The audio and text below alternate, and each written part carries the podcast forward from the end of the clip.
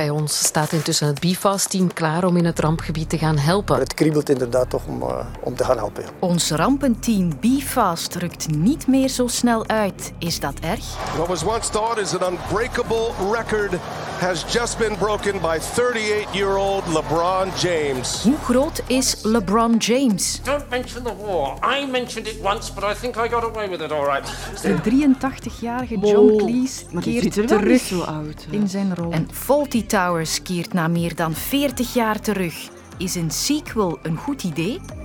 Ik ben Sophie van der Donkt, jonger dan John en kleiner dan LeBron. Fijn dat je luistert naar het kwartier. Ik begin vandaag waar het dagboek van Jens Fransen gisteren eindigde.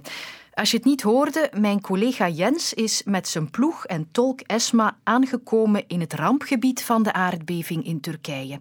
Vanmorgen zijn ze naar Gaziantep vertrokken. Goedemorgen Patrick. Patrick is mijn cameraman. Jaren ervaring. Patrick, waarom is een ontbijt de belangrijkste maaltijd? Ja, je weet wel niet wanneer je de volgende keer gaat eten. Hè? Voilà. Heeft iemand de weg naar uh, Gaziantep gecheckt? Esma, did you check the way to Gaziantep? To see if it's still doable? Yes. Je leidt ons op tijd naar die andere weg. Ja. Esma, you tell Patrick where to go? Turn left. We gaan nu naar een plek waarvan ons verteld is dat daar uh, mensen hier uit de buurt worden opgevangen. Het gaat om mensen wiens uh, huizen soms uh, of appartementsgebouwen soms gescheurd zijn. Of ook gewoon mensen die schrik hebben om nog in hun eigen gebouw te slapen. Schrik natuurlijk voor die naschokken. Ik ga jullie even voorstellen aan Sharon. Dat is de geluidstechnicus, maar ook de vrouw die alles hier monteert. Voor haar is de eerste keer dat zij naar een rampgebied gaat. Ik had eigenlijk verwacht dat er niks meer ging rechtstaan. Maar dan toch, als je dan 200 meter verder kijkt... Ja, dan is het gebouw helemaal weg. Daar word je wat stil van. En dat, dat, is ook een beetje het vreemde aan een, aan een rampgebied als dit. Je hebt dus, en je ziet die beelden, en daar focussen wij natuurlijk altijd op, op die beelden. Want daar vallen die slachtoffers. Maar als je dan rondkijkt, omdraait, dan zie je ja, dat, dat het grootste deel van de stad gelukkig natuurlijk nog recht staat. Heel vreemd. Intussen zijn we dag drie na die aardbeving. En uh, de plek waar ik nu sta, hier Gaziantep, is een plek waar intussen al meer dan 500 doden gevallen zijn. Maar er wordt hier dag en nacht verder gezocht. En uh, maak je geen illusies, voor de mensen telt dat niet drie dagen. Iedereen hoopt op dat ene wonder, op dat ene wonder dat misschien ja toch net hun broer, hun zus, hun dochter er levend zal van onderuit komen. Aan de andere kant, en het, het, het, is, het is geen fraai beeld, zie je dan ook, ja, af en toe worden er uh, dekens doorgegeven door de hulpverleners, opgevouwen. Die gaan dan naar de hulpverleners die tussen het puin staan. En dan worden dan lichamen ingewikkeld die er uh, ja, voorzichtig uitgedragen worden. En dan zie je dat het vooral heel, heel, heel erg stil wordt in die mensenmassa die aan het meevolgen is. En zonder buitenlandse hulp kan geen enkel land zo'n ramp aan. België kon niet achterblijven en heeft zijn interventieteam BFAST uitgestuurd vandaag. Al lijkt de naam BFAST niet meer zo goed de lading te dekken, want het team is pas twee en een halve dag na de ramp vertrokken. Het is beschamend. Ja, het doet de naam een beetje oneer aan om, om later op de week te, te vertrekken. De drang is er om snel ter plaatse te zijn, om zeker die eerste piek mee proberen op te vangen. De vroegere coördinator van BIFAST, Geert Gijs, heeft er duidelijk hartzeer van. Maar ik hoorde van een van de huidige teamleden, spoed- en kinderarts Gerland van Berlaar, dat je toch niet zomaar ergens kunt binnenvallen. Dat betekent dat je als team eerst uh, geverifieerd moet zijn en geclasseerd door de Wereldgezondheidsorganisatie. Dat je dan moet registreren. Dat is een online platform waarin je op basis van de vraag die van het land van uh, de ramp komt, uh, aangeeft wat je kan bieden. Maar dan moet absoluut Turkije toestemming geven vooraleer we als team mogen vertrekken. En die toestemming heeft het team intussen gekregen. Het mag nu een veldhospitaal klaarmaken in Turkije. Maar we geven dus wel een beetje de fast in BFast op om andere dingen te gaan doen. Is dat de juiste keuze? Goedemorgen. Een vraag voor Hans Das, directeur crisismanagement bij de Europese Unie. België heeft uh, gisteren een medisch team aangeboden. En dat gaat inderdaad over een vrij groot veldhospitaal met heel gespecialiseerde faciliteiten. Dus dat is zeker een, een heel waardevolle bijdrage. Ehm, het is natuurlijk belangrijk om snel te reageren, mhm. maar het is minstens even belangrijk om dat op een gecoördineerde manier te doen. Dus als alle lidstaten inzetten op dezelfde capaciteiten, dan is dat eigenlijk niet interessant voor ons. Er wordt in België op dit moment meer ingezet op medische teams. En, en dat is, uh, als ik daar mijn persoonlijke mening mag over geven, dat is eerder een slimme keuze. Die, die search and rescue teams, in normale omstandigheden gaat dat over uh, vier tot zeven dagen, zeg maar, waarin uh, slachtoffers nog kunnen gered worden. Um, het is minstens even belangrijk om medische hulp te kunnen bieden. En, en dat is een inspanning die over enkele weken gaat lopen. Wat ik daar wel nog wil over zeggen, is dat het wel heel belangrijk is dat alle lidstaten ook België meer investeren in betere voorbereiding en hogere paraatheid voor natuurrampen. Um, we zien een duidelijke toename in overstromingen, in natuurbranden, omwille van klimaatverandering bijvoorbeeld. En daar moeten we ons allemaal op voorbereiden. Uh, preventief waar mogelijk, maar ook reactief waar nodig.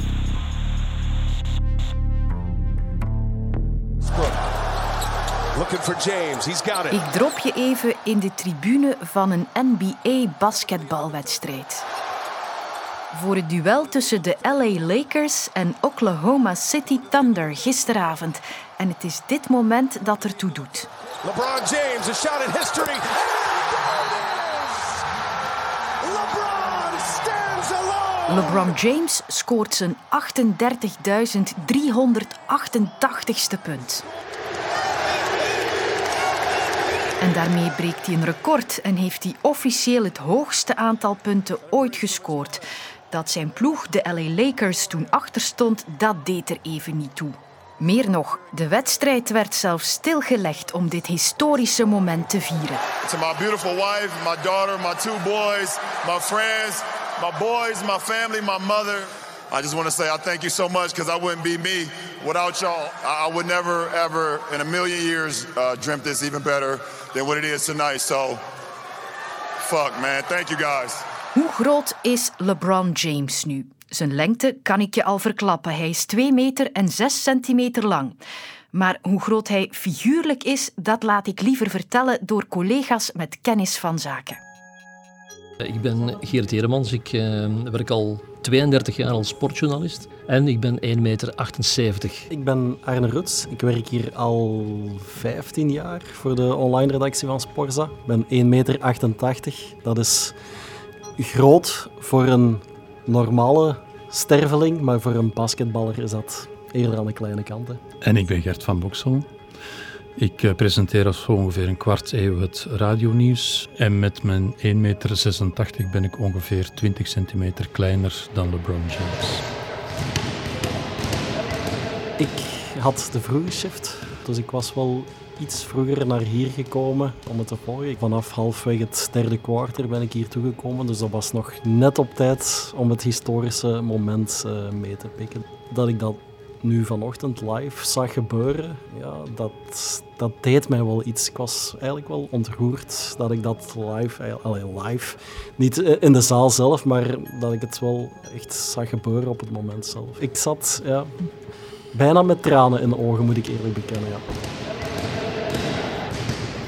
LeBron James, 2 meter en 6, uh, meer dan 100 kilo, dat hij toch zo snel, zo wendbaar en zo soepel is. Hij kan ook shotten van op afstand.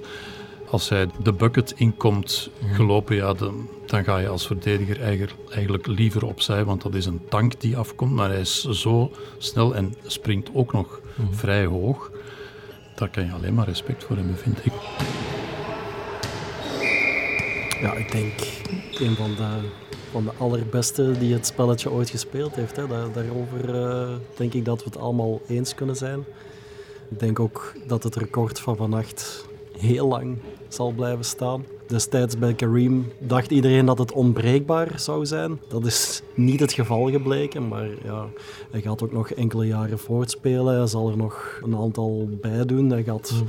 boven de 40.000 punten uitkomen na zijn carrière. Dat zal al een heel straffe speler, denk ik, moeten om dit te evenaren of, of te verbreken. Dus het ja, ik heb gehoord dat hij samen met zijn zoon in een ploeg wil spelen. Hè? Dus, uh, dat hij zo zijn carrière zou willen besluiten met... Uh, hoe heet hem, Bruni of zoiets? Bronny. Bronny, ja, maar ja. Dat is de oudste, maar uh, Bryce die schijnt nog een stukje beter beter te zijn, Die ja. schijnt nog een stukje beter te zijn. Maar die punten worden niet samengeteld. Ik vroeg het ook nog aan iemand die zelf op hoog niveau speelt op dit moment. En zij wil toch ook graag een beetje nuanceren. Ik ben Antonia de Lara, ik speel bij de Belgian Cats, daarnaast ook in Venetië. En ik ben 1,82 meter. Hij behoort wel echt bij de, bij de top basketters dat er ooit zijn geweest, zeker en vast. Het is natuurlijk moeilijk om, om te zeggen wie dan nu de, de beste basketballer is. Eh, het zijn verschillende generaties. Eh, toen Michael Jordan speelde, was, was het basketbal ook wel nog anders dan dat het nu wordt gespeeld. Maar ja, het is natuurlijk wel iemand dat, dat lang in de, in de boeken zal uh, blijven staan. Spelers die, die dat gemakkelijk scoren zijn natuurlijk wel een, een enorme troef voor een, voor een ploeg. Maar anderzijds is basketbal bestaat uit zoveel meer. Het goede passen geven, maar ook het goede verdediging. Het zijn soms zaken dat je, dat je zelfs niet op de statistieken ziet. Maar uiteraard is, ja, hoe makkelijker dat je scoort, hoe, meer dat je ja, een threat bent naar, naar de, de tegenstander toe.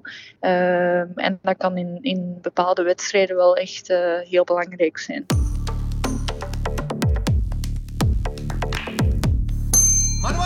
En ik check nu in bij een beroemd of beter berucht hotel. Oh, good day. Hello, how are you? Where's the boss? Uh, boss is... Uh, I boss.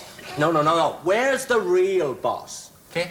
Faulty Towers. Het hotel deugde voor geen meter, maar de televisiereeks uit de jaren 70 werd een groot succes. Uitspraken in de serie gingen een eigen leven leiden. Don't mention award.